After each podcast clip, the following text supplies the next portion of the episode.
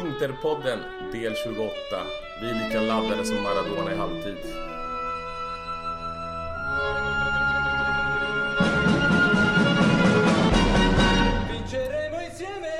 Yo, yo, yo! Välkomna!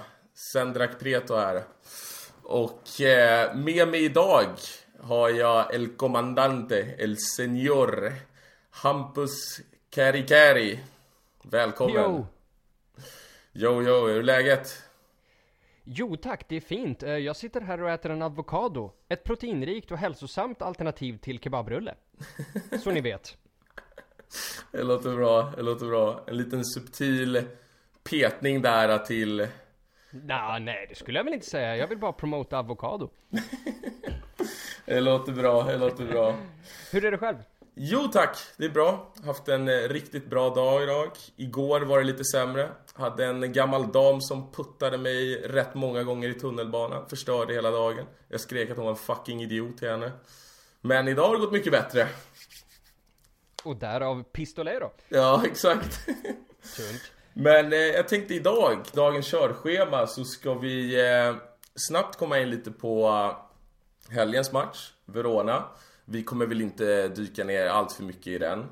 Vi ska väl framförallt hålla oss till vad som komma skall, alltså matchen mot våra efterblivna kusiner. Och där Hampus faktiskt har utlovat en del kulor i sann amerikansk anda. Och eh, efter det förhoppningsvis så ska vi ta lite frågor. Men innan vi dyker in i matcherna tänkte jag att Icardi har ju som bekant, vår älskade kapten, lyckats göra 100 mål i världens finaste tröja. Så jag tänkte gå direkt på sak. Vilket är det snyggaste?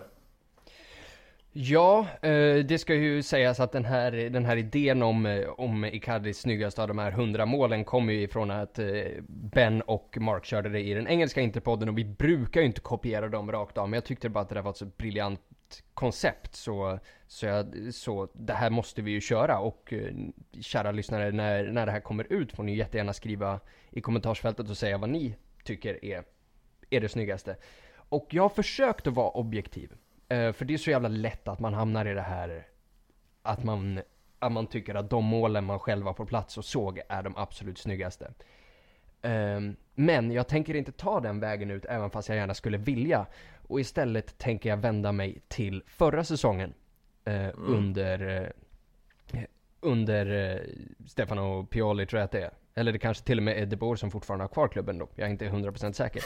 Men säsongen, men säsongen 2016-17 Matchen mot Torino Det Ah. andra målet han gör på Joe Hart När han tar emot den felvänd Bara stannar bollen och Och vänder sig om samtidigt som han tar skott och bombar upp den något så inåt helvete i krysset Helt otagbart och ett absolut världsklassmål Ja, jo, det var ett bra val faktiskt. Jag satt ju och kollade på den där videon idag. Och för att vara Precis, ärlig... det kan, vi, det kan vi också informera om att, eh, att Inter har ju lagt upp en, en 35 minuter lång video av Icardis 100 mål i, i Intertröjan. Och jag har sett den säkert 4-5 gånger idag, bara för det är en sån, jag får en sån varm och varm kvittrande känsla inom mig. Det är, Mm. Och innan jag går in på mitt val, jag måste ju säga att det man kan ju enkelt konstatera att det är inte särskilt, vad ska man säga, estetiskt snygga mål. Alltså det är ju mycket en touch avslut, alltså han är ju väldigt få touch i avslutsfasen. Varje Precis. gång egentligen, alltså att han krånglar inte till Vilket- det. vilket är hans absoluta styrka om du frågar mig. Absolut. Jag vet inte om vi absolut. nämnde det i, i förra avsnittet, men de här fyra han hänger mot Sampdoria. Det är på 14 touchar varav en är avsparken. Jo. Alltså hans conversion rate är ohotad på toppen. Ja, jag, Majoritet, en, en två tredjedelar av målen han hänger är på en touch. Alltså det här är en sån världsklass striker och alltså folk som säger att ja men okej om vi säljer honom så kan vi köpa det där. Alltså det, det finns inte. Det finns inget argument för att alltså vi under några omständigheter ska släppa den här killen någonsin. Alltså fucking bäst! Alltså Ja. sjätte yngst genom klubbens historia. Killarna, sjätte yngst att hänga 100 mål i Serie A. han är typ, vad, vad fan är han? En, typ 7, 8, 9 mål efter Higuain i Serie A kanske? Killen är 25. Ja, det är fantastiska siffror. Det är fantastiska siffror. Alltså, Men... och, jag, och jag har sagt det förut, och jag kommer säga det igen. Den här killen, och det här är en högst opopulär åsikt och jag är väl medveten om det. Men den här killen är bättre än Diego Milito. Eh, ja, där... Eh, uff, den är svår alltså. Nu tänkte jag ju ta upp mitt val här och vilket mål, men eh, jag känner att vi måste tackla den här lite nu när du tar upp det. Alltså, Jajamensan, jag, jag sticker ut ballen så att säga. Ja. Eh, nej, jag håller väl inte med dig, för att med tanke på, ja, han har ju hållit en jämnare nivå än vad Milito kanske gjorde. Men sen måste man ju komma, alltså i Intertröjan då tänker jag framförallt. Och, eh, men alltså den höjden Milito hade i de absolut största matcherna, det har ju tyvärr, alltså Icardi har ju inte fått uppleva det än, så att det kan inte riktigt han beskyllas för heller. Men samtidigt avgöra Champions League-final, han gjorde mål mot Chelsea, han gjorde mål mot Barca, han gjorde mål mot, ja, egentligen alla lag i Champions League. Juve, Milan, liksom. Det finns inga lag han inte lyckades göra mål på, så att... Jag tycker fortfarande Nej. han har en bit upp att bevisa, men han är ju klart bättre om vi ser till vilken, alltså hur bra Milito var i samma ålder. Så absolut, det köper jag alla dagar i veckan. Men så, avgöra, så pass avgörande som Milito var, det är liksom en höjd som egentligen ingen forward har nått upp till i, i Inter, förutom kanske Ronaldo då. Ja, alltså det jag bygger det argumentet på är ju, är ju liksom på de siffrorna han gör. Alltså killen öser in mål varenda jävla säsong. Han har gjort över 20 mål varje säsong. Och han har gjort det i det, den sämsta upplagan av Inter som fan satt fossingar på den här världen sen, sen en Velociraptor. Alltså det... Alltså killen, killen hängde 22 mål med Guarin och Kuzmanovic bakom sig. Jo absolut, men vi var Och, inne på och, jag, jag, och de, detta, tro mig, jag, jag har en selfie med Milito. Det är inte så att jag diskrediterar hans, hans görande överhuvudtaget. Dör för Milito. Men, sett till vad Milito hade bakom sig och vad Icardi har bakom sig. Alltså Icardi är det som har stått emellan oss att bara vara, att vara ett jävla Palermo. Icardi har räddat oss från, från att klubben ska gå under. Och har han tagit, har han gett oss titlar, har han gett oss liksom den här äran och liksom allt det här som Melito gav oss och gav oss de här minnena som Alltså det, det är ju skitsamma om inte vi vinner Champions League igen på 40 år. För Melito har redan, vi har fått uppleva det i våran livstid. Men Så därför såklart går det inte att jämföra de två. Men Icardi har räddat upp ett lag som blödde. Ett lag som hade gått under. Och man ska inte glömma de grejerna heller. Absolut. Absolut. Eh, jag tycker att vi ändå diskuterade det här eh, mm, förra poddavsnittet så att om Ja, möjligt, ja, vi, vi gick in ganska mycket på det. Så jag, jag låter det vara för den här gången. Men Jajamän. eh, om jag får välja mål då. Jag säger Shoot. säsongens mål eh, mot Milan. Där när han hoppar och mer eller mindre vänder i luften. Jag tror att det är, kan det vara 2-1 målet? Var det var, jag tror det var ja, hans... pre- precis, precis. Det är det andra målet. Det är det. Det är det andra målet, jag kommer inte ihåg om det var 2-0 eller 2-1 Men det var i alla fall, alltså Den, alltså Som fotbollstränare, vi jobbade ju skott idag till exempel på träningen Och eh, vi jobbade bland annat volley Och redan där, självklart, nu tänker inte jag jämföra de spelarna jag har i skolan med Icardi, det är inte det jag säger Men alltså det tekniska numret, det är alltså ren och skär världsklass Att lyckas vända, att lyckas få kraft, att lyckas sätta den i det hörnet med egentligen inget stödjeben och liksom rotera in axeln samtidigt att få bröstkorgen precis dit han siktar. Det är, det är magiskt för mig så att... Och Jag- framförallt, framförallt vill jag ju lyfta, killen hoppar bakåt. Ja exakt! Alltså att han får kraft i det läget, det, det, är- det, är så liksom, det går emot allt vad fysikens lagar säger så att... Nej, jag, jag väljer det målet. Det är det absolut Ja, det, för är, mig. det, det ligger en ju nära om hjärtat alltså. Det, jag stod ju där precis ovanför, ovanför kurvan nådd när, när den gick in och den går ju in precis. Ja, ditt precis jävla under as oss, vill alltså. jag bara tillägga. Chris Hansson slet nästan halsen av mig vid det läget. Så jag stod ju och valde mellan den Torino, eh, målet mot Torino som jag sen tog och faktiskt hans, eh, okej fyra hade jag egentligen.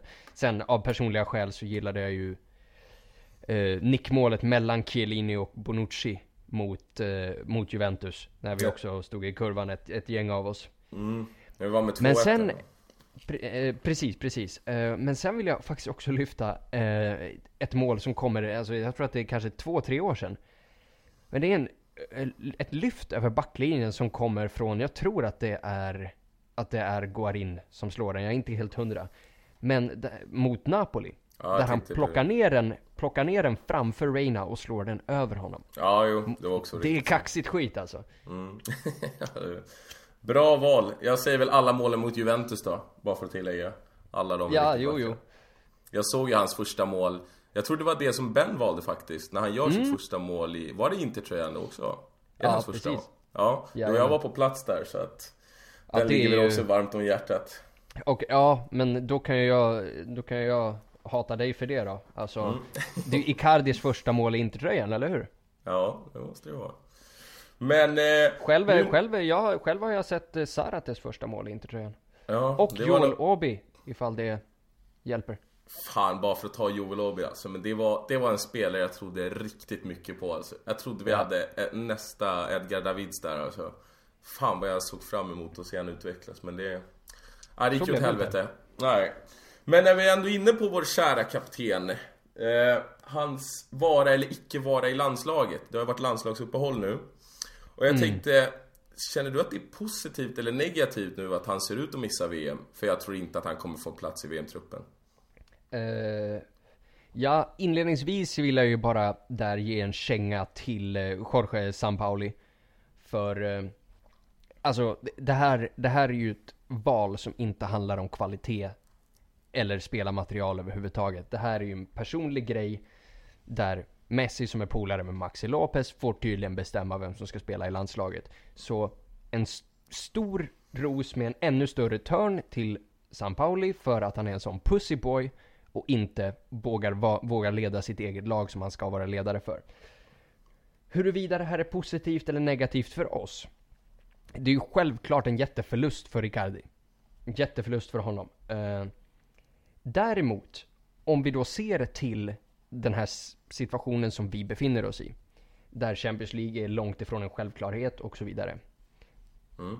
Så tror jag faktumet att han inte får glänsa på den, på den stora scenen inför hela världen i sommar.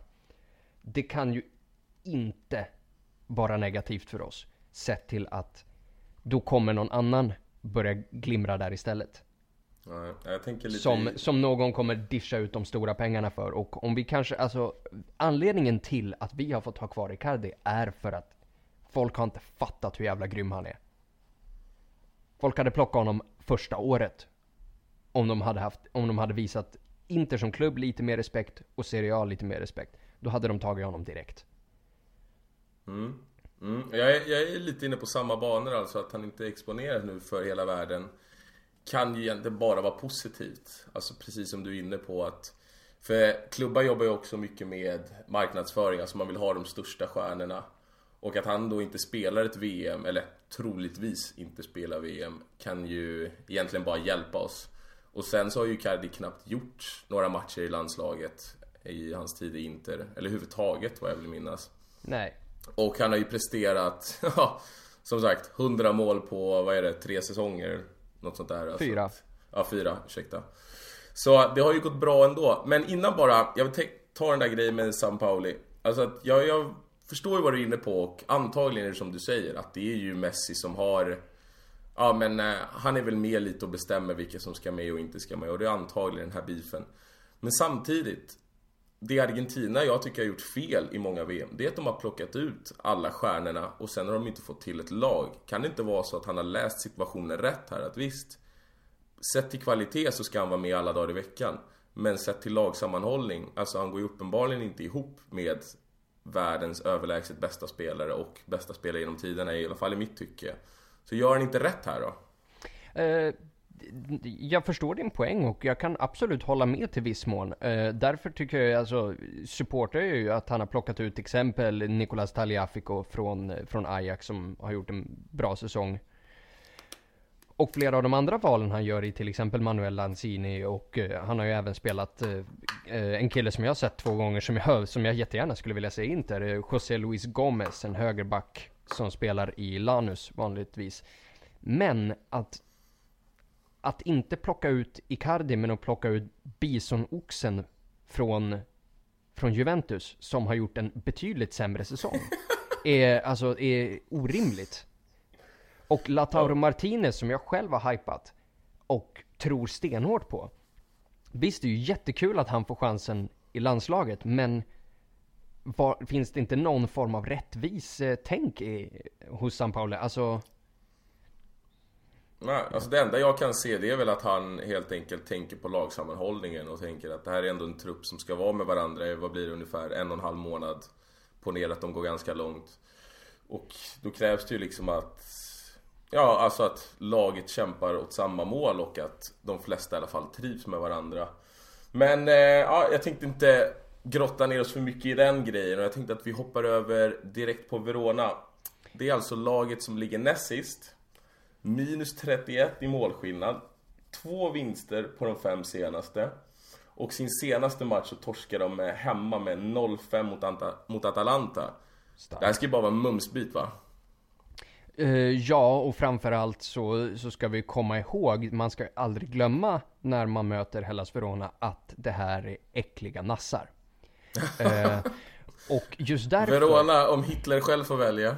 Precis, precis, exakt lite så. Eller snar, snarare Hitler om Verona själv får välja. Eh, det är ju alltid, för er, för, alltid, eh, för er som undrar, så är det alltid en, en demonstrativ folkomröstning som någon NGO styr upp i, eh, i Verona, där de röstar sig ifrån Italien för att istället få gå ihop med Österrike. Och Österrike känner väl mest, fan. Eh, så det här, det här är ju ett av de absolut äckligaste jävla gängen i hela ligan. Så inte nog med att de här tre poängen är extremt viktiga för oss. Men det handlar ju lite grann om stolthet. Vi måste ju slå dem här. Och vi måste slå dem ordentligt. För det ska nämnas att i och med att vi har eh, att vi har Milan kommande eh, på onsdagen samma veck, eh, kommande vecka så har de, samtidigt som vi möter Hellas, ett ganska otrevligt bortamöte med Juventus. Och det där passar ju oss alldeles utmärkt. För om vi tar tre poäng, Milan tappar tre poäng och vi sen hanterar derbyt, då är Milan borträknade. Helt. Ja. De är Ja. fuck då. Så. Va, vad hoppas du på då? Hoppas du Juve eller Milan? Det här är ju Eh. jobbigt ändå, så man hoppas ju aldrig på Juventus eh, vinst av princi- principiella skäl. Alltså ja, det, går är ju så. Alltså, allt och det är, väl, det, är väl, det är väl lite trist att hoppas på lastbilsattacker också. Men, men, eh, men om vi säger så här, jag brukar Ja men ni, ni vet Ni vet mig eh, Nej men för, för att förtydliga eh, Jag kommer alltid avsky Juve så mycket mer än Milan. På nivåer som det inte, som det inte är rimligt. Och då kan vi ju ta liksom hatlistan i världen. Då kan vi ju ta nummer tre Isis, nummer två Nazityskland och nummer ett Juventus. Det är ju så rangordningen har gått här ganska många år nu. Eh, Men framförallt så är man ju interista först. Och därför, vilket lag Vems förlust hade gynnat oss mest? Och i nuläget, vi har ju absolut ingenting med Juventus att göra just nu. Så man får ju, man får ju hoppas. Jag tänker inte säga att jag hoppas att Juventus vinner, jag vägrar säga det. Jag hoppas att Milan förlorar. Okej. För att det gynnar oss. Ja, jag är väl lite inne på samma spår där också att eh, Man hoppas aldrig på Juventus vinst Men samtidigt, det som du säger, det gynnar oss och Milan har blivit för jävla kaxiga nu på sistone Och samtidigt med Gattusos intåg i det där vidriga laget Så gör det ännu värre, för det var länge sedan Jag kände ett sånt här hat mot Milan Ja, Och ja jag jag, tänkte känner att du skulle detsamma. få fire away lite här Ja, för du sa att du bra, var för taggad det är på det fan, eh, ja, för det har man, eh, det har gått och bubblat här ett tag nu. Men, eh, och hatet jag känner för Milan nu, är ju utöver allt annat som de någonsin har gjort. Eh, bara, bara det senaste, alltså Milan är ju den enda klubben som vägrar att återbetala biljettpengar till fans för den inställda matchen i samband med Får jag bara Astoris död. flika in? Har de inte, har de inte pudlat där då? Jag tyckte att det var någon som la upp i vår Interklubb grupp där och la upp något inlägg.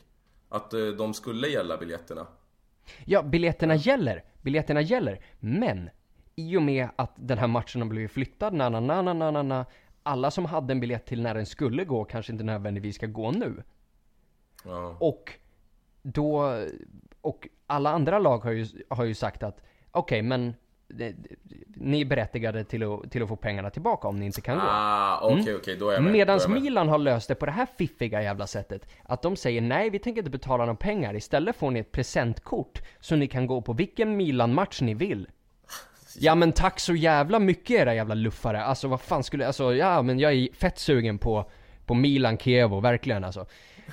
Så det är ju rakt att spotta våra fans som fyller hälften av deras arena, även när det är de som säljer biljetterna. Det är bara för att spotta på oss. Och jag snackade med ett par, med ett par milanister om det här. Och jag bara, men alltså är ni, är ni stolta över hur fan ni beter er? Ni, alltså ni som står och viftar med era hashtag we're so rich halsdukar, ska ni då stå och rippa vanligt folk som, har jobb, som jobbar och sliter för de där biljetterna? Och får svaret, ha, rätt åt er. Fuck you, rätt åt er.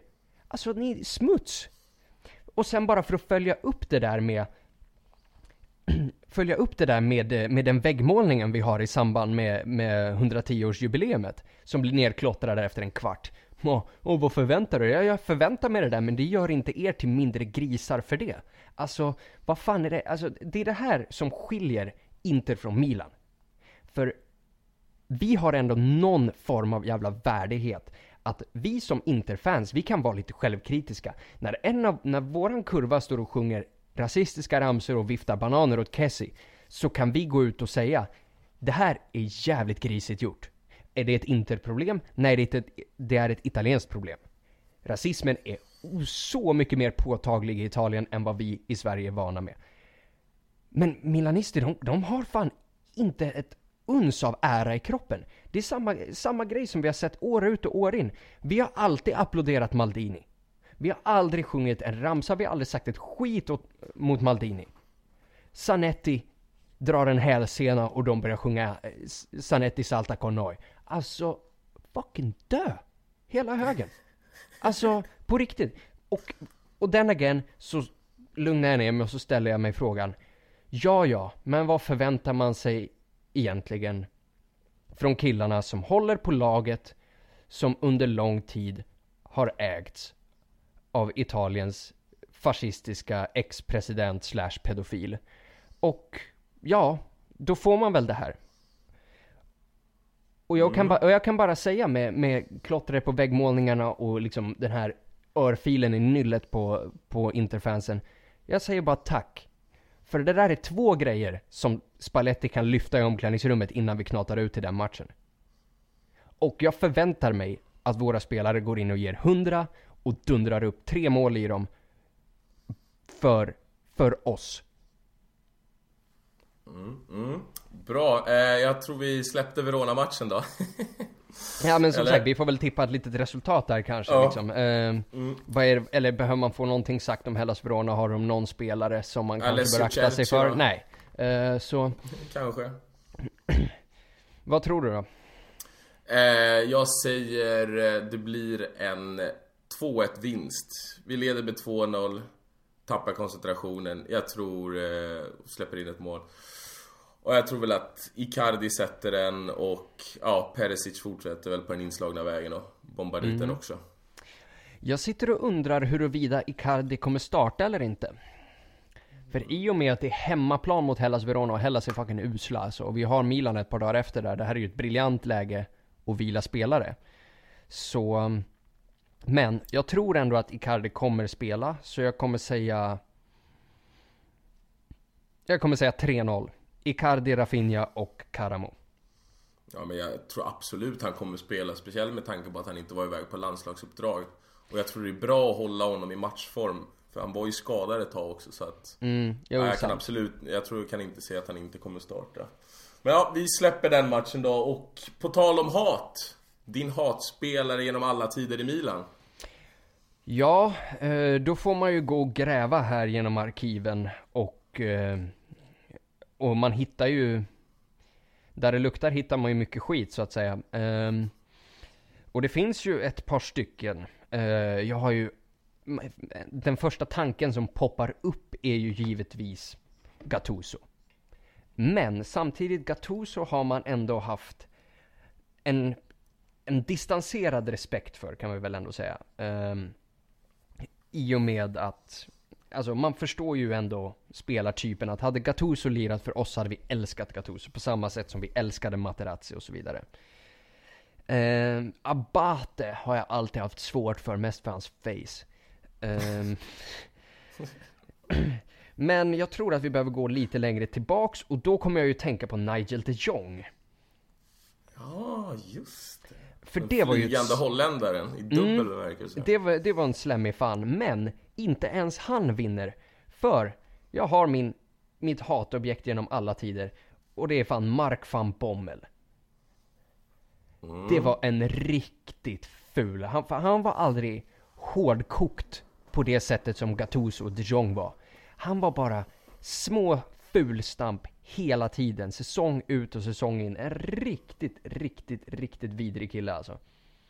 Mm. Ja, jag gillade ju ändå Mark van Bommel ganska länge så att Inte i Milan-tröjan men i, eh, han var ju Barca där Så nej, jag håller inte riktigt med det där och jag höll också på att landa i Gattuso För att där snackar vi, alltså vad ska man säga, en fake pitbull för mig Alltså att han spelade så jävla manga så, så stenhård och hit och dit Men så fort när Milan tappade lite, då tyckte jag att han gick ner sig många gånger.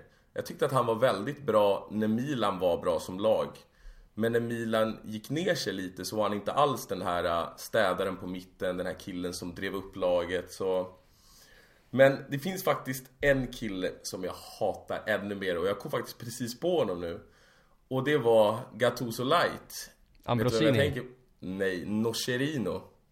Ja, Den Nocerino jävla fast ändå. ultrasopan Som helt plötsligt blev hyllad från hela jävla Italien när han hade en riktigt bra säsong Som Zlatan egentligen gjorde honom bra Och det var någonting med, precis som du sa alltså, Det var någonting med hans face och Hela han, spelat i Juve också vilket ger en extra, alltså pluspoäng eller vad man ska säga Och nej, alltså det, Boateng, Kevin Oh, Prince då Lite, där lite var- oh, samma har också glömt, alltså. Det var ett, Ja, det var också ett riktigt jävla äckel som bara blev bra på grund av Zlatan Alltså han gjorde ju två riktiga super till dugliga fotbollsspelare Och jag vet inte, det var någonting där med det Milan-laget som störde mig otroligt mycket För att annars har jag ändå haft respekt för de flesta Milan-upplagorna. Alltså, jag tycker ju om Sandro Nesta, Maldini. Jag tyckte om Cafu. Shevchenko var faktiskt, ja, jag vet inte om jag kanske ska säga det högt, men ja, jag, jag gillade verkligen Shevchenko. Det var en,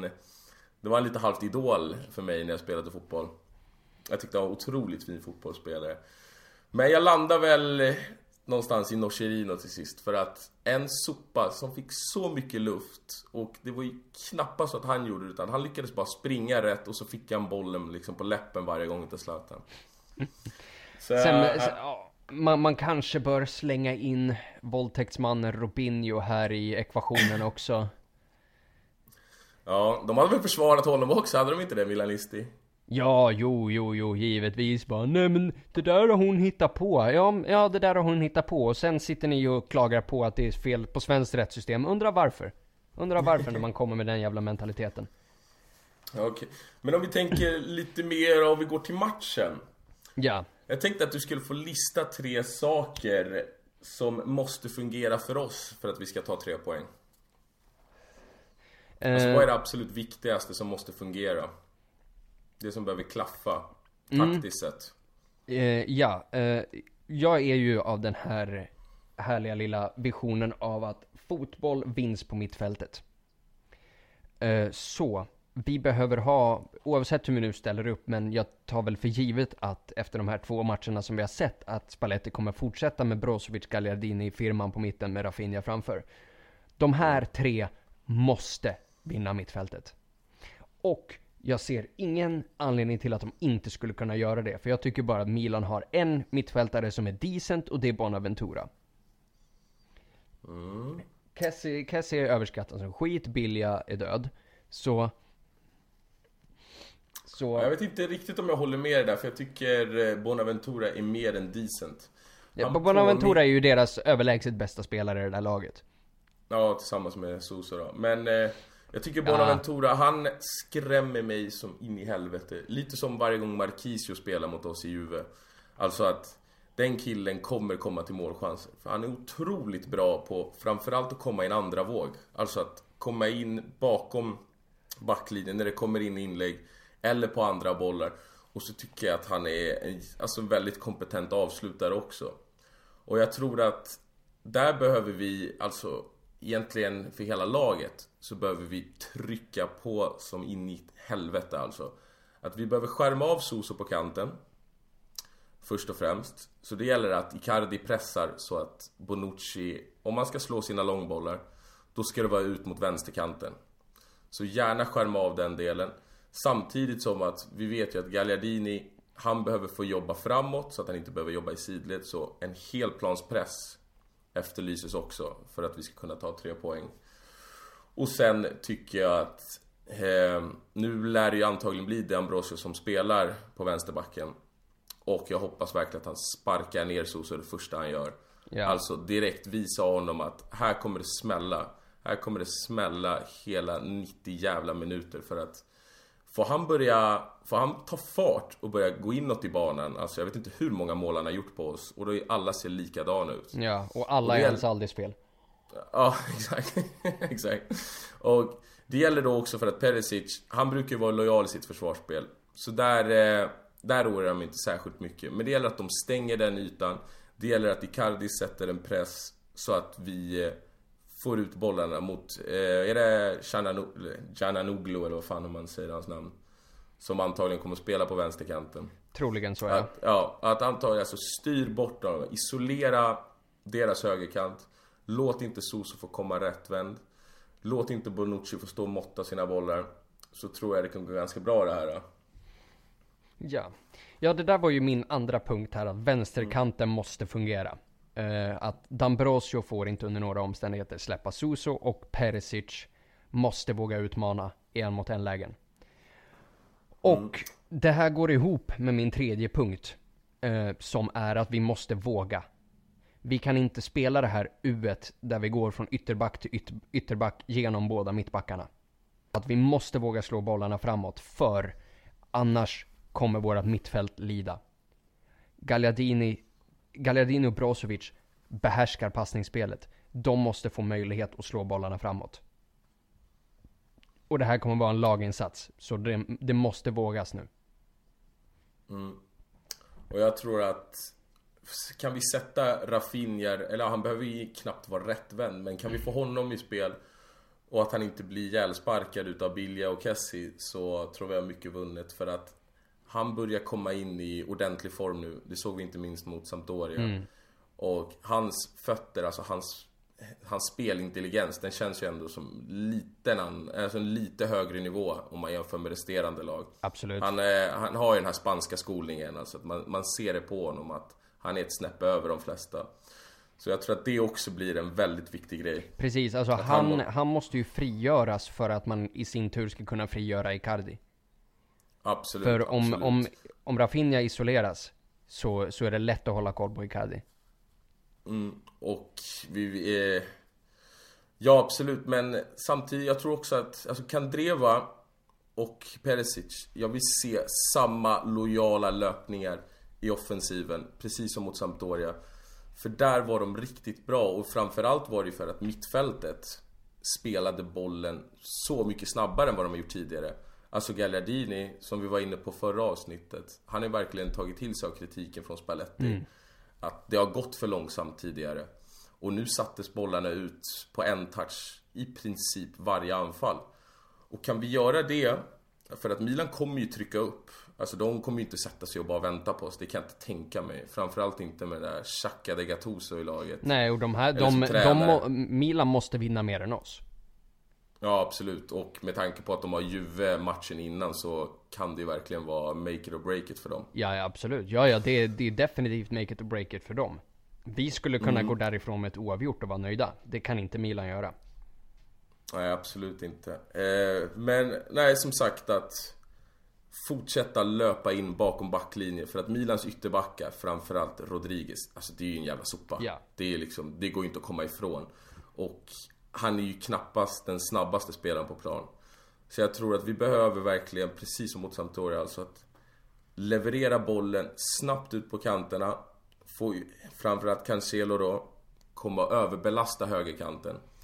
Så att vi kan sätta honom under hård press. För att vi har ju ändå, säga vad man vill om Kandreva, men han kan ju ändå skapa ytor med sina löpningar. Och kan eh, Cancelo få överlappa, då vet vi att vi har Serie A's bästa inläggsfot. Och Icardi behöver ju knappt en halv chans för att sätta dit den. Och framförallt bör man då, när man då överbelastar på högerkanten, så ska man då hålla i åtanke, vad har vi på vänsterkanten? Då kommer det vara en Perisic, som Davide Calabria ska hålla koll på. Och Davide Calabria, jag tycker han, jag tycker det är en av deras, troligen den bästa ytterbacken de har i truppen. Men, det är långt, det är en väldigt, väldigt stor distans i kvalitet mellan Perisic och Davide Calabria. Och i duellerna, fram, delvis en mot en, men framför allt i luftrummet så kommer Perisic slå Calabria nio gånger av tio. Så om vi kan komma, in, komma runt från högerkanten och mata inlägg mot bortre, så är mycket vunnet. Mm, Absolut, absolut. Och vill du se samma elva då? Eller tycker du ska, Spalletti ska gå in och peta lite där? Och nu tänker jag elvan då mot Napoli och mot Sampdoria självfallet. Eh, ja, det är ju det. Ehm, egentligen så måste jag väl tyvärr säga att jag vill det. Eh, och det, det tar ju emot Jaha. lite grann att säga att man vill se Brozovic. Ehm, för det, det tenderar man ju inte vilja. Men jag, jag, jag tycker att det borde en... Självklart hänger ju det här ihop lite grann med hur det går mot Hellas. Men det vore usel pedagogik att börja byta ut spelare som, fram, alltså framförallt på mittfältet då, där det, det är ju det enda stället där det är tal om att byta ut folk. Och det vore ju, det vore ju en negativ förstärkning att, eh, att låta de här göra två, tre bra matcher och sen by, börja byta runt. Mm, absolut. Absolut. Det enda, det är ju som du säger, man är ju så osäker vart Brozovic står för att han kan ju lika gärna ha en platt match. Och det har vi inte råd med mot Milan. För att säga om man vill om det där mittfältet, men fysiska är de. Och om de eh, trycker ner oss bara med fysik, vi vet ju att Brozovic då kan försvinna helt. Och Gagliardini kommer ju inte klara av att städa det där själv. Nej. Han kommer inte klara av det. Alltså, han har ju inte speeden för det. Han har ju inte, han har inte drivet heller. Samtidigt Så- nu, nu när du säger det, i och med att Rodriguez verkligen inte är Serie A's snabbaste ytterback, alltså sätta upp Karamo mot honom. Ja, det, det kan ju funka. Jag vill i så fall hellre se Karamo komma in för att Alltså jag är ju, vad ska man säga, jag är ju inte Kandrevas största fan. Oh nej. För att uttrycka det milt.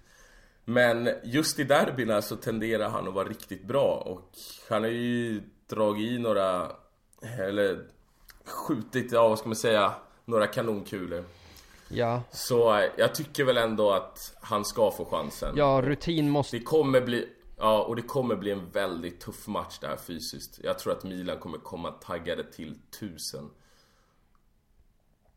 Ja, jo det, det förväntar man ju sig. Däremot så, så förväntar jag mig att vi ska komma ännu mer taggade. Alltså för vi, vi har ett gyllene läge att förstöra deras säsong. I och med att de startade så uselt och sen har plockat upp sig och fick, och fick ett par artificiella lungor. Så vi har ju en briljant möjlighet att delvis punktera dem.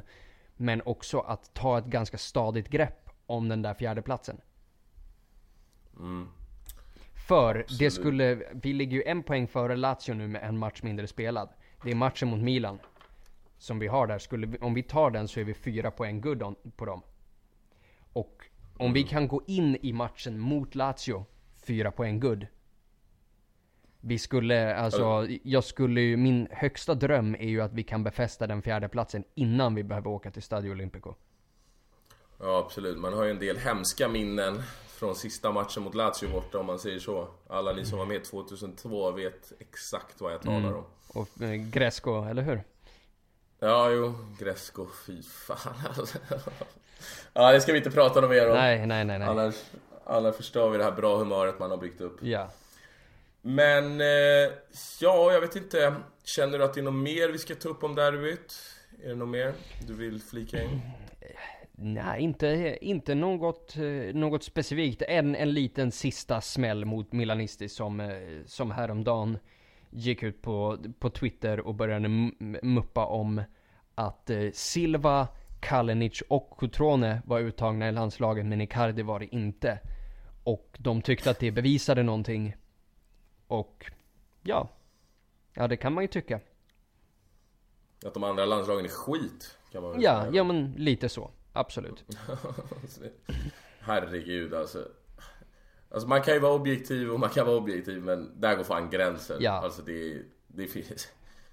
Inte ens Stevie Wonder hade tyckt att, han, att de är bättre. Nej men i sådana fall, alltså så här. Albin Ekdal är ju uttagen i svenska landslaget, då är väl han också bättre än Icardi då gissar jag. Ja, Med den logiken. ja verkligen.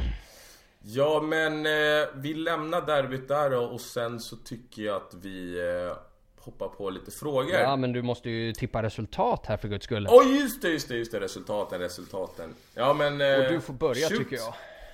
Jaha, jag får börja. Jag börjar. Okej. eh, jag tror ändå att, ja, vi kommer ta det här. Alltså jag brukar alltid vara riktigt kaxig när vi ska möta Milan. Jag vill minnas att du och jag var ju nere på ett derby. Ja, ja, ja. Och jag sa ju, ja, jag tänker inte citera mig själv här för att... För det var ganska saker som barnbarnen inte bör höra. Ja, så kan jag väl säga. Men eh, jag tror på 2-1 vinst. Och jag tror faktiskt att våran alla älskades Gagliardini kommer sätta en strut. Gallia. Oh, Ja, Gallia. Gallia. Och eh, vad heter det? Milans favoritspöke i derbyna, Kandreva, kommer på något konstigt sätt få in en boll också. Mm. Så 2-1. Ja, eh, jag tänker ta en ganska, en ganska obskyr väg. Ehm, och det här enbart för att Milanisti har suttit och sagt att deras mittbackspar är det bästa i ligan. Vi tar en paus där ifall någon vill skratta.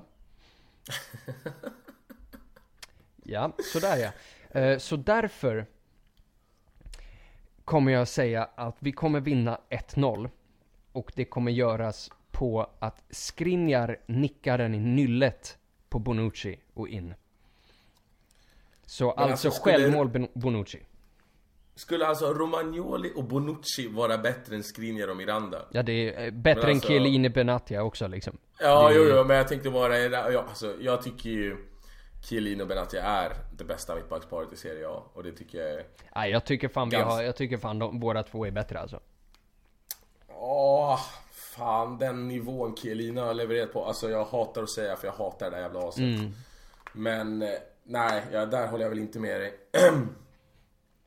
där, eh, där snackar vi ändå kanske topp tre mittbackar i hela världen. Och jag tycker faktiskt han blir bättre med åren. Alltså Mm. jag trodde han skulle få lida väldigt mycket mer nu när Bonucci försvann till Milan. För han, man trodde ju ändå att han blev skyddad, framförallt i uppspelsfasen. Men Chiellini alltså, den matchen han gör mot Tottenham borta, hur han plockar bort Harry Kane. Ja. Inte, inte hela, inte båda matcherna men ändå till stor del alltså. Det är ju hans vinst. Framförallt för mig. Så Buffon är all ära men han tabbade sig ganska ordentligt. I båda matcherna vill jag minnas. Jo.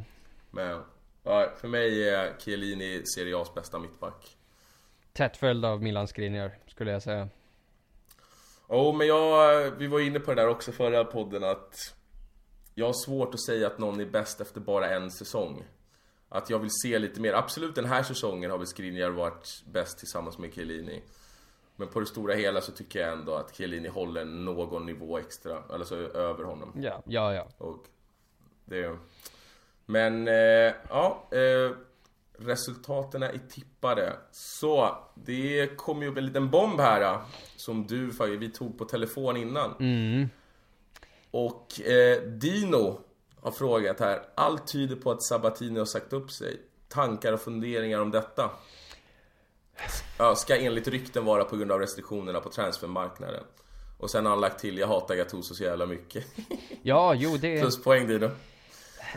Eh, ja, okej. Då bara för att summera lite snabbt här att eh, det har ju då idag kommit ut genom Gazzetta dello Sport att eh, Walter Sabatini har lämnat in sin avskedsansökan för ungefär två veckor sedan. Sunning och ledningsgruppen diskuterar ju fortfarande huruvida man kommer acceptera den eller inte. Um, om vi säger tankar kring det här så är ju det här ett så mycket mer dräpande slag för oss än vad man först kan tro. För det här bevisar ju att att det är någonting som verkligen inte står rätt till här. Alltså det, det ska ju bevisligen, alltså uppenbarligen ska det handla om de restriktionerna och de förutsättningarna som Sabatini får att jobba omkring. Men det här cementerar ju bara hela det här Pazza Inter, den dåliga sidan av Pazza Inter som klubben mår så dåligt av. Och det är framför allt ett hårt slag mot legitimiteten i det Sunning försöker göra med den här klubben. Och att det kommer direkt efter att vi för ett par dagar sedan fick rapporter om att vi är klubben i Italien som tjänar mest cash just nu. På grund av det marknadsföringsarbetet som Sunning har gjort. Så tro mig, de har gjort otroligt mycket för oss. Men, men det här, det här är inte bra alltså. Det här är verkligen inte bra. Nej, och nu oroar man sig direkt för vad kommer för att Jag antar att det är för att han har väl fått någon typ av budget inför transfersommaren och det är som du säger, det här bådar inte gott alls Alltså att Ausi, eller Sabatini är en väldigt, väldigt bra sportchef Alltså han gjorde det otroligt bra i Roma Spelarna han hämtade in Hur han lyckades sälja spelare för vilka summor Så Nej, jag, jag känner också att det här var, det här var bland de värsta nyheterna man kunde få. Det Ja. är väl...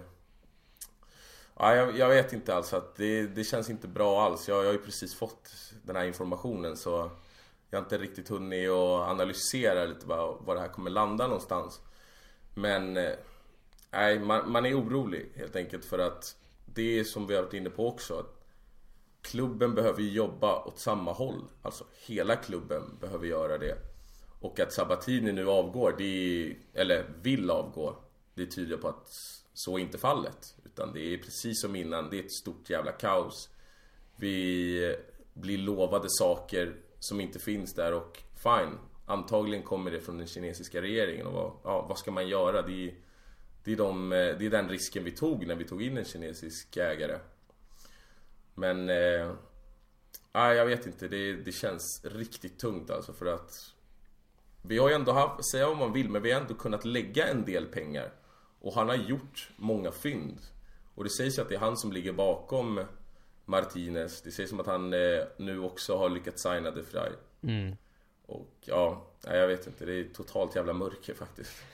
Ja, samtidigt så får man ju, så bör man ju komma ihåg att hans roll innefattar ju inte heller enbart Inter utan också, han är ju liksom, eh, eh, han styr ju likväl över, över Sunnings kinesiska klubb.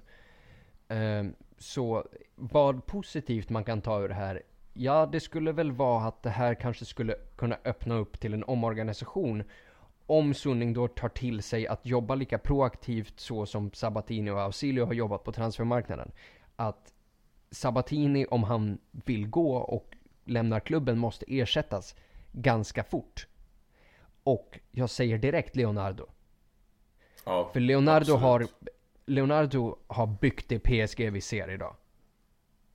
För Leonardo vet precis hur det, hur det är att basa över en klubb vars ledning sitter på, i en annan världsdel. Och om man då Men- ger Leonardo lite budget, lite fria tyglar, så absolut. Problematiken som kommer ur det här är ju att Spalletti är ju en, en, en direkt konsekvens av Ausilio Sabatini. Och att då byta ut sportchefen kan innebära att du då hamnar med en sportchef som inte tror på tränaren man har. Vilket skulle kunna, vilket faktiskt skulle kunna leda till ett tränarbyte också. Och det är inte vad vi vill ha alltså.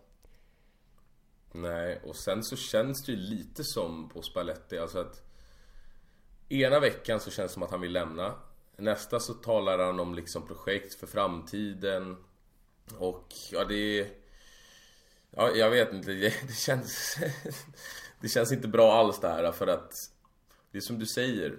Säg att Leonardo kommer in eller vilken annan sportchef som helst och de inte alls tror på Spalletti. Då sitter vi i samma skit igen. Alltså att vi har en ny tränare vi har en spelartrupp som inte är anpassad för den nya tränaren och så kommer vi ha ett mellanår ännu en gång. Ja. Men... Eh, En, en, ja. Man får väl faktiskt, om, om nu, det ska ju sägas att Sabatini har ju själv inte bekräftat det här. Eh, Så med förbehåll för att det kan vara en hel säck med bullshit som bara kommer för att slå oss lite, ur, slå oss lite i gungning inför derbyt. Det, det vore ju inte första gången heller. Men, I och för sig. men om det här stämmer så ska ju han ha en ordentlig dos med kritik. Jaså, så nu ska du säga upp dig med 10 matcher kvar? I det mest kritiska läget på hela säsongen. Ja, och på många år egentligen. Ja, Ja, så att- det, så det var ju inte riktigt läge nu. Nej. Eh, vi har en... Vänta, Håkan då. Eh, eh, eh, vilka, och sen inom situationstecken, gynnades av det tragiska som gjorde att matchen flyttades? Kommer den rätta derbykänslan att infinna sig? Den rätta derbykänslan den innefinner sig väl, eh, innefinner sig alltid skulle jag säga, eh, i alla fall inom mig. Eh, så nog tror jag att eh, italienarna är inte så jätte, jättesugna på att jobba alldeles för hårt. Så det, de kommer nog lyckas fylla arenan så gott som det går nu när det är Milan som ska sälja biljetterna. Ehm, men vem som gynnades av det? Ja, alltså det är ju, det är ju att någon gynnas av det, det är väl lite så här lätt cyniskt sätt att se på det. Men om man då ska göra det så måste det väl bli vi som gynnades av det. Och hur tänker du då? Jag tänker att vi får, vi får en schemalagd efter en match mot Hellas. Jo, eh, Milan får den efter en schemalagd match mot Juve. Vi var i usel form. Milan var i bra form. Vi fick ta välförtjänta poäng mot Napoli och smacka upp Sampdoria för lite självförtroende innan istället för att gå direkt på dem och sen ha de matcherna. Så ja, det där föll oss nog rätt i händerna om man, om man nu vill tänka på det sättet. Mm. Ja, jag har väl inget att tillägga där. Jag håller med dig på allt faktiskt. Eh, Binan har skickat Eh, bara, bara, för att, bara för att tillägga. Eh, den grejen skulle ju däremot kunna förändras radikalt om Milan skulle chocka och spöa upp Juve på bortaplan. Då, då skulle det nog vara ganska gynnsamt för dem tror jag. Så själva förflyttningen av matchen i sig gynnar väl inte någon. Det handlar ju om, om hur man kommer in i derbyt. Sen går det ju alltid att komma ihåg, derby är derby.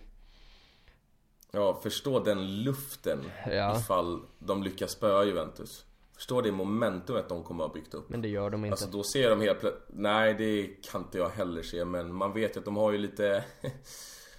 de har ju lite vänskapsband de där två smutsklubbarna sinsemellan. Absolut, men Juve kan, Som, Juve eh, kan inte lägga sig ner heller för då, då kommer Napoli ikapp alltså.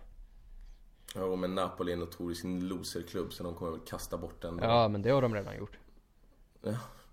Men eh, till Lars Sandbergs fråga då. Mhm. Varför är Sunning så tysta? Varför har vi inte fått någon förklaring om vad restriktionerna från Kina innebär för Inter? Vad hände med Sabatini? Är det löften han fått som nu brutits? Ja. Ja, det är bara att köra på. Ja, alltså om vi säger till att börja med här. Vi har heller aldrig fått det bekräftat att det är restriktioner från den kinesiska regeringen. Det är viktigt att komma ihåg. Eh, och fortfarande, det är inte i vårt läge som vi har stått i de här två trans- transferfönstren och som troligtvis kommer sätta käppar i hjulet för oss i sommar också, är inte Kina. Det är fortfarande financial fair play. Vi har inte pengar. Vi drar inte in. Vi tjänar för lite. Så innan, innan vi ens behöver egentligen börja oroa oss för den kinesiska regeringen så måste vi se till att få balans i böckerna först. Och där har Suning gjort ett otroligt bra jobb för och även, och där ska även Tohir, som vi nu bara önskar skulle försvinna. Vi måste ge honom cred där, för Tohir gjorde oss säljbar, gjorde hela klubben säljbar och öppnade upp för kineserna att komma in. Och hade inte det gjorts så hade vi varit Parma. Alltså det, den här klubben var ekonomiskt misskött på en hel, alltså på en Lyxfällan-nivå som är helt sinnessjuk. Och, vi- och, det, och det, det här får, och det, det är väl ett pris som vi gladeligen får betala nu för att vi fick en trippel. Men alltså, bra grejer kommer aldrig gratis. Så, så jag tror inte att vi behöver oroa oss för den kinesiska regeringen. För som sagt, de har ju haft partikongress och så vidare och vissa företag har blivit svartlistade och får inte göra utlandsinvesteringar. Men det har inte drabbat eh, Sunnings koncern och det ska också sägas nu på gott och ont så har ju, eh, så har ju Sang, våran, med våran ägare då, han har ju valts in i, eh, i regeringen, i den kinesiska regeringen. Vilket gör att han personligen kanske inte kan kasta runt pengar hur fan som helst. För att det ser ju inte så jättebra ut om, om en, om en eh, regeringsledamot skulle börja bete sig så här. Men samtidigt så kan så har han också eh, politisk makt och inflytande för att kanske hålla sitt eget företag utan, alltså utanför den här svartlistan.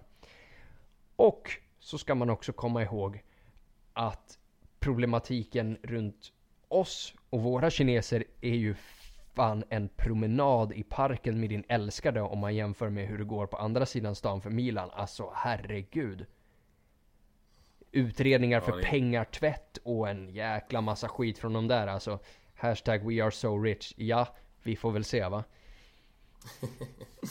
Ja, men eh, jag tänkte bara, eh, bara läsa upp frågan igen. Men är det löftena han fått som nu brustit? Så då tänkte jag lägga till en liten grej där. För att i somras, då pratade det ju som Vidal. Det pratades om Nangolan. Det pratades säkert om fler stora spelare. Och vi hade ju fortfarande FFP då. Men varför pratade man om sådana spel om vi ändå inte hade någon chans på dem? Ja, men det är ju frågan. Jag har inget minne av att av att vi pratade om Nainggolan och Vidal. Jag har minne Ja, okej. av att Gazzetta dello Sport och Totosport och Corriere della Sera och så vidare pratade om de här namnen. Men median gör ju oss inga tjänster överhuvudtaget. Det ska kommas ihåg. För om vi tar Pastore-affären som exempel så sa både Ausilio och Sabatini och hela högen sa från dag ett att nej, men det, vi, vi kommer sikta på att låna spelare.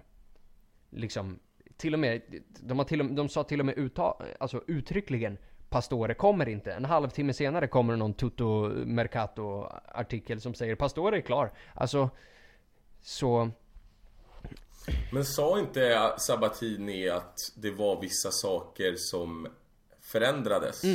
absolut. Och att, ja, Och hur tolkar du det då? Ja, och det, det måste ju ha kommit någon, alltså sen, det, de kom på ett eller annat sätt. Och jag håller med om att det är en ordentlig problematik i att Sunning inte uttalar sig om det här. För vi Interfans, vi är inte, vi är inte dumma i huvudet och vi är inte bortskämda. Så om vi får förklarat för oss att så här ligger det till, budgeten ser ut så här, så här och så här. Så kommer vi acceptera det.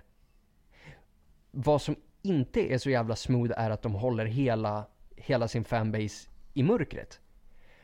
Så ja, bevisligen hände någonting. Om det hänger på försäljningar man hade räknat med som inte gick igenom, om det, hän, om det hängde ihop med med hur man lägger upp eh, bokföringen och avbetalningarna för spelare, om det var kinesiska regeringen som satte stopp för utlandsinvesteringar. Det fick vi veta att eh, så var det väl under sommaren som sen diskuterades och lyftes i oktober. Men samtidigt så, så tror jag att det pågår så mycket mer bakom, bakom kulisserna än vad vi kan se. För vi hade ju inte råd att dega upp 25-30 för Pastore. Vi hade fått Pastore för 25 om vi hade gett dem det. Men istället så la vi 28, 28 mille på Lautaro Martinez och det är väl väl spenderade pengar. Istället för att gå och köpa en mittback i, i januari så tog vi Li- Lisandro Lopez på lån och har gjort klart med Stefan de Vrij på fri, på fri transfer istället. Så jag är, inte, jag är inte jätteorolig i all ärlighet. Ja, men säg så här då. Att eh, zonen går ut då och säger nej men det, det finns i princip inga pengar utan vi kommer få jobba precis samma sätt som vi har gjort de senaste transferfönstren. Tror du verkligen fansen kommer bara sitta lugnt i båten då? Uh, ja, alltså mer lugnt än vad man, vad man gör nu. Alltså det är besvikelsen som, som slår på fansen hårdare. Alltså vad, vad ska man göra? Alltså, ska, va, alltså vad är lösningen då? Alltså Nej, man kan ju bli sur men alltså okej, ska man tvinga fram en försäljning? Okej. Till, till vem då? Vem, vem ska ha råd att sanera de skulderna vi, vi har? Mm. Så, alltså det här Morattis återkomst och det här, alltså det, det kommer inte hålla alltså. Nej, nej, nej. Gud nej. Absolut inte. Okej då, men om jag får slänga in en liten fråga, lite påstående. De här senaste veckorna. Är det här Ausilius upprättelse? Alltså jag tänker De Frey, Martinez. Har han återuppstått? Ja, alltså. Om vi säger, vi har ju aldrig sagt att att Ausilio är rakt igenom usel. Eller jo, det har vi ju. Men jo, det har vi. fast poängen är ju att, I affekt, ska jag säga. ja, alltså att Ausilio har ju gjort en hel del bra värvningar. Men Ausilio har ju också gjort rent av horribla värvningar och det är ju aldrig så att vi har sagt att Ausilio har aldrig signat en bra spelare. Alltså det vet vi, det, det har vi fakta på att han har gjort. Ausilio gick och signade Miranda. Alltså, klockren värvning. Precis vad vi behövde, precis i rätt tid. Men han har också bränt 45 mille. Eller i, ja, i och för sig, okej, det var ju, det var ju uh, den där agenten vars namn jag inte kan uttala. Eh, Kia Jurabkan. Ja, there you go. Eh, men ta, Ja, ta Dalbert, rätt, men- ta Dalbert till exempel. Att Ausilio kan ju definitivt pricka rätt, men Ausilio kan pricka helt åt helvete fel också. Och det är det som hans stora svaghet är. Okej då. Eh, nästa då, nu kommer jag slakta namnet här men eh, Georgios, alltså a.k.a. Joje Ioannidis. Hur tror ni Icardi och Latauro Lautauro skulle kunna spela ihop? Det är första frågan. Vi tar den andra sen då. Mm. Ja, um, det där är ju något jag har gått och slitit mig i håret om senaste tiden. Um, för jag vill ju se de två på planen tillsammans, som, som de flesta vill. Men det kommer ju komma till ett pris att det hela sätter egentligen Rafinha i in the spotlight. Och bevisligen, vad, vad vi kan tyda av media, så Spalletti älskar ju Rafinha. Och jag förstår Spalletti, för Rafinha ger en injektion till det laget som ingen annan spelare han har överhuvudtaget besitter. Så de, Spalletti kommer ju vilja ha, vilja ha kvar Rafinha och där kommer problematiken att de här tre tillsammans kommer inte mixa. Såvida man inte tar bort kanterna. Och det är en fullt legitim uppställning att spela med. Men inte för Spalletti. Vi har aldrig sett Spalletti spela utan yttermittfältare. Så därför tror jag i sådana fall att man kommer då få välja mellan vad blir den? 4-3-1-2 då en triangel högst upp med Latauro Icardi och Rafinha. Eller så kommer man få spela ungefär som man gör nu. Alternativt en 4-4-2 med Lautaro Martinez släpande strax bakom Icardi. Men det skulle då sätta Rafinha nere på centralmittfältet tillsammans med Gagliardini, vilket inte kommer fungera. Nej, inte någonstans. Så min lösning på det där hade varit att, trots att det tar emot, men hade varit att inte köpa loss Rafinha. Okej, Ehm, intressant. Eh, nästa då. Hur tror ni De Frey och Skriniar skulle funka ihop? Ja, ja det, ja, det är helt, helt otroligt bra de hade funkat ihop. Eh, och det där lämnar ju faktiskt Vad händer med Miranda då? Precis, och det är där jag kommer, eh, för, för jag visste att den frågan kommer. Där har vi ju det tredje, tredje hemliga alternativ C till hur man skulle kunna spela då. För om man då förlänger Miranda och håller kvar honom Ah, nu är jag med på så kan vi lira en trebackslinje och då få vilket kommer givetvis sätta det problem för, för Perisic. Kandreva med, med kniven mot strupen kan spela den, den rollen där han täcker hela ytterkanten. Jag tycker nästan att han är bättre i den rollen än vad han är som en renodlad Han ytter. är klart bättre i den rollen, vill jag tillägga. Problemet där blir ju Perisic. Ehm, men om man... Karamo. Och Karamo, självklart. Karamo kommer ju lida av det. Karamo däremot skulle, skulle fan kunna spela, skulle kunna spela en forwardroll också om man då spelar en, vad blir det, en eh, 3-5-2. Mm. Och då skulle man också få in Lautaro tillsammans med Icardi och Rafinha. Om man väljer att spela på det sättet. Så där blir istället problemet hur man ska göra med Perisic och då hamnar vi återigen i den här situationen. Vad i hela friden ska vi göra på vänsterkanten? För om vi litar på att Kandreva säkert kan göra en hyfsad insats i den höger mittfältsrollen så kan vi hoppa upp och klappa oss i nyllet på att Dalbert inte kommer göra det. Nej. Så, men, Ja. men för att besvara Georgios fråga där, eh, hur de kommer fungera tillsammans. De kommer fungera alldeles utmärkt tillsammans. Om vi säger, De Frey är ju inte den mest spelskickliga mittbacken man har sett i sina dagar. Men Skriniar är det. Skriniar är en briljant uppspelspelare. Eh, däremot tror jag att eh, vi ska vi ska nog eh, ta en liten diskussion här i gruppen och se hur många religioner vi kan skrapa ihop och så får alla gå och be och offra lite grejer och tända ljus och skit och bara be till högre makter att vi får ha kvar Skriniar. För de ryktena som har varit den här veckan om 70-80 miljoner från United här och City där och Barcelona där kommer 70-80 mille på bordet. Då är han den dyraste försvarsspelaren genom alla tider. Och så mycket som jag gillar honom. Men eh, tack och adjö. Sorry. För det, Ja. för det där det där hade troligen gett oss, vi ligger, alltså vi skulle behöva balansera budgeten med kanske 100 mille till. Kommer det, kommer det in 70-80 mille för Skriniar, eh, Det här är en kille som vi gav 13 plus Caprari för. Då kan vi balansera ut böckerna och hamna på plus. Och då är vi i ett helt annat läge med Financial Fair Play och kan då till och med få tillstånd att skjuta till lite egna pengar. Och då skulle de 70-80 millarna kanske kunna bli 200 mil istället. Mm. Absolut. Med detta sagt, jag älskar Skriniar och jag vill absolut inte se honom lämna. Men kommer 80 mille? Mm. Alltså, det- Framförallt det om, vi inte har, framförallt om vi inte har Champions League.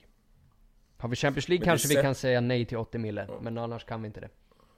Nej, men det sätter ju oss i jäkla problem nu ändå med De Vrijs intåg, eh, Martinez intåg för...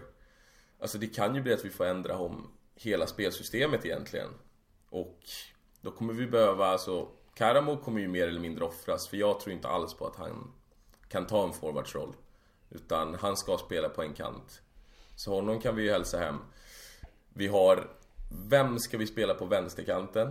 I ett 3-5-2, alltså det är som du sa, Dalbert. Aldrig i livet. D'Ambrosio. D'Ambrosio. Nej, nej tack. ja, jag, jag sätter mig själv hellre där och det säger en hel del. Så jag vet inte, alltså jag gillar ju värvningarna. Nu ska det sägas att ingen utav de här två är klara. Allting tyder på att Lautaro de är klar. signade. Sl- ni, Lautaro, okej, ni, vi Lautaro, får sluta fan. nu. Lautaro själv har sagt Okej. att han är klar. Hans farsa, presidenten och vi har Ja, sagt att han är vet, klar. Men, ja men du vet hur det är, man, man vågar inte tro på något förrän det är klart. Men ja, fine. Han kan jag köpa. Han skriver vi in. Men De Vrij, det är... Mycket tyder på det. Mycket av rapporterna som kommer från Italien och sägs ju vara ändå ganska bra källor. Men fortfarande, alltså Får vi in de här två spelarna Alltså vad, vad ska Spalletti göra då? Ska han helt plötsligt ändra om hela sitt lagbygge? Det är liksom, det är lite där att jag, jag gillar ju, eller ja, Latau, jag har ju inte sett honom spela för att vara ärlig Så att jag, jag tänker inte säga allt för mycket Lautaro är en Men- slaktare alltså. Ja. Ja, jag vet inte. Det är angenäma problem om man säger så. Ja tack. Men eh, sista frågan då från eh, Reza Kamali. Shoot. Vem skulle ni byta Spalletti mot i sommar ifall vi inte tar en CL-plats? Sarri eller Simeone? Eller ska han få en chans till? Och jag kan väl eh, ta den först då. Jag gör. Eh, han ska vara kvar. Och det spelar ingen roll om vi missar CL, om vi missar EL, om vi fan nästan åker ur. För att vi kan inte fortsätta att hålla på och byta tränare som vi gör. Det är om det är något vi har lärt oss. Det funkar inte. Och har man själv spelat fotboll och ingen utav oss som lyssnar på det här, antar jag i alla fall, har varit ens i närheten på den nivån. Men vet man själv att får du en ny tränare hela tiden Alltså att det, blir, det skapas en osäkerhet i gruppen. Spelare vet inte vem som ska starta, vet inte vem som är, vilka som är elvan. Det är nya taktiska dispositioner, det är nya spelsystem. Det byggs ingen kontinuitet i laget så han ska vara kvar till varje pris såvida att han inte själv vill lämna. Och det är väl det jag lite oroar mig för.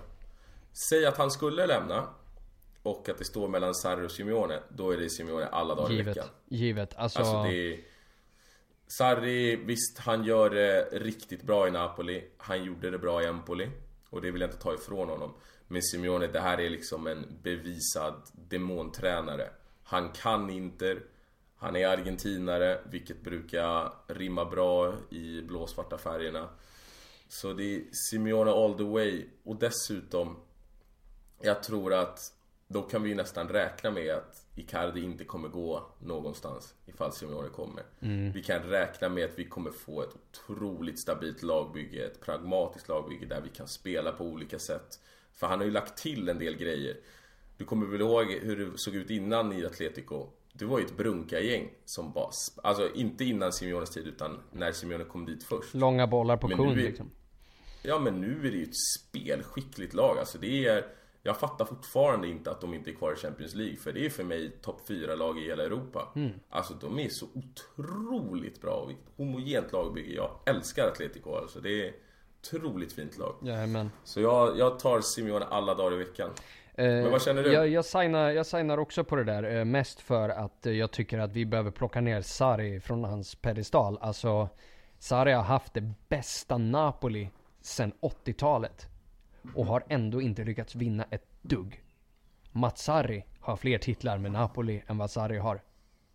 Eh, så och bara liksom, och bara hans beteende att jag, jag vill inte sitta och skämmas alltså när han ska gå och kalla an, andra tränare för bögjävel och hetsa kvinnor och skit. Alltså jag vill inte ha, jag vill inte ha det där i våran klubb helst. Eh, Men jag är helt Det med dig lite på... för klasslös för, för de tre stora drakarna i norr. Nej, men, Känns det inte lite pre- så? Precis, alltså det, eh, håll dig till ditt provinsgäng där nere. Eh, Det är liksom småklubben, alltså det, det är där han platsar liksom. Eh, Och sen, och så kan du Sen vara ju inte asglad, asglad för, för din andra plats liksom. Ja. Men man skulle ju inte gråta ifall han kom. Ifall Spalletti skulle få ryka nu i sommar och vi inte får Simeone. Alltså jag menar... Det finns ju... Det finns ju värre alternativ. Ja, det är klart det finns värre alternativ, alltså fan. Men eh, jag vet inte, det är nog fler jag hade tagit innan Sarri alltså. Är det så? Jag vet inte, alltså, Shoot. ja. Ge mig någon. Någon realistisk. Någon realistisk, eh, låt oss säga. Ja, du får inte plocka Pep Guardiola liksom. Ja, nej, nej men såklart man inte får. Ehm, om vi säger så här, jag hade tagit tillbaka Mourinho innan jag tar Sarri. Uh, Åh gud nej! Den måste vi ta direkt då känner jag. Mourinho är död. Mor- Mourinho är död, men inte, men inte, inte till punkten att han inte hade kunnat lyfta oss till, Tro... tillbaka in i Champions League. Eh, det tror jag definitivt han hade kunnat göra. Ehm, vad är Alltså, det vi mer för Marcelino Mourinho, i om jag Valencia får- tycker jag om. Ja. Där snackar vi diktator deluxe, så det är absolut in med en sån. Men bara för att ta Mourinho, alltså Det han gjorde i Chelsea nu i sin eh, andra session Alltså hur han gick ut och slaktade laget i media Det han håller på med just nu i United Jag vet inte om du har sett intervjuerna efter de åkte Ja, det, det, det, Sevilla. jag tycker det är helt rätt alltså. Men Hans alltså- lag alltså de, de, de, de springer ju inte. Det är ett skitgäng. Nej, men det är samtidigt, det är ju bara riskminimering alltså. Han, fotbollen har sprungit förbi honom. Mm.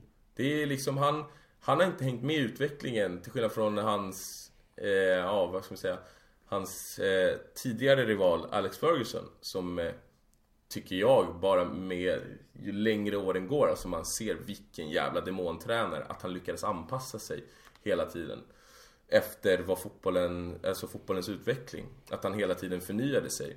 Och det har inte Mourinho gjort. Men det enda som kan tala för det är att Inter sitter ju inte på de här superstjärnorna som United och Chelsea har. Alltså de här superegorna. Eller jag tror i alla fall inte det. Nej. Alltså, alltså PR-mässigt absolut så gör de ju inte det. Men jag tänker alltså hur de är som karaktärer. Hur de är som personligheter. Och det är väl det enda att Mourinho skulle väl kunna något sätt bygga en väldigt, ja men en väldigt stark grupp liksom psykiskt, mentalt. Men annars så tycker jag absolut inte han ska komma tillbaka. Jag vill, det finns många tränare. Så Mm. Simeone Inzaghi. Där ser vi en som, fast jag tror att han är tyvärr kingad av One Juve. hit wonder där. Eh, Jag hade tagit Pochettino, jag hade tagit Conte. Eh, Ja, Pochettino kommer ju aldrig komma. Ja, nej, nej, det tror inte jag heller, men eh, alltså. Conte! Nej, åh, den kan vi också ta. Alltså, jag tar hellre fucking Walter Mazzarri. Oj, oj, oj, Hellre än jag tar oj, det oj, oj. jävla äcklet. Aldrig i mitt liv att Vad har jag vill se det där jävla smutset. jag kommer ju ha snart om hårfästet fortsätter som det gör. Nej men eh, det är en eh, gammal Juventus-legendar.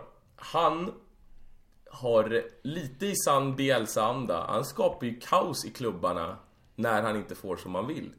Och vi alla såg den kära Marcello Lippi. Hur det gick för honom. Det var också en erkänd demontränare. Som skulle in och göra jobbet i Inter. Och det gick åt helvete. Och jag säger inte att Conte kommer att göra åt helvete. Men han är för mycket Juve för mig. Alltså någon gräns får det vara. Alltså liksom det, jag, jag vill inte se honom. Nej, han är ju långt, långt ifrån ett jag första jag val, men jag tar honom nog även, eh, alltså även över Sarri alltså. Nej, inte jag alltså. Aldrig. Det är liksom, jag, jag var skrä... Alltså det var mardrömmar när det ryktades om honom i sommar. Och jag kan inte förstå att folk argumenterade för hans sak. Ja, jag vet, det är en grym tränare. Det säger jag inte emot. Men det är en Juventus-legendar. Alltså, någon måtta får det vara. Skärpning. Ja, nej, nej men som sagt, jag, jag håller med dig i, i, grundfilosofi, men om jag får välja mellan en första plats med Conte eller en tredje plats med Sarri så kommer jag välja första plats med Conte alla dagar i veckan alltså. Ja, då är fan en tredje plats. Shit. Ja, med tanke på vad vi har varit innan så en tredje plats i ett jävla lyft. Det är ju nästan som Champions League-titel. Jo, jo, absolut. Men om vi säger från näst, om vi tar Champions League i år, från nästa säsong så har jag, så kommer inte jag vara nöjd med en fjärde plats. Mm, jag tänker ändå att det kommer nog ta lite tag för Inter Mm, att självfallet. etablera sig. Alltså att tro att vi, att vi ska, att vi säger att vi tar en Champions League-plats. Att direkt gå för ligatiteln, det finns inte på kartan för mig. Utan jag tror att vi kommer behöva två, tre säsonger där vi tar Champions League-plats varje år. Och därefter kan vi sikta in oss på ligatiteln. För att hur kommer truppen reagera när vi har mycket fler matcher? Vi, eh, vi har ju som Christian Borell brukar säga ett räknefel, alltså vi har ju inte tillräckligt med spelare för att spela både också. Det vill ju till en jäkla massa investeringar för att vi ens ska kunna tampas på två, Tre på till två med. fronter. Om vi ska räkna Coppa Italia också. Ja, tre. Ja, men- självklart behöver det ju, behöver det ju Ja, handlas in så mycket mer, så mycket offra. mer spelare. Ja, nej men jag menar mer att det här att jag är supernöjd om vi tar en topp 4 nästa säsong. Även om vi tar Champions League i år. Alltså att jag tror att det är, man kan inte hoppa från liksom eh, trappa 1 till trappa 5 utan man måste ta små steg i taget. Precis som Juve gjorde när de eh, kom upp i Serie A igen utan det tog ett tag för dem att etablera sig där uppe och sen efter tog de här sista steget och blev den här smutsiga världsklubben Ja, de tyvärr är. fan. Men med de orden så vill jag tacka alla våra kära lyssnare. Jag vill tacka vår senior Nej. kommandante Hampus. Och Forza, Forza merda, Hellas merda, kasta alla. Gilla med. Kasta alla. Ciao.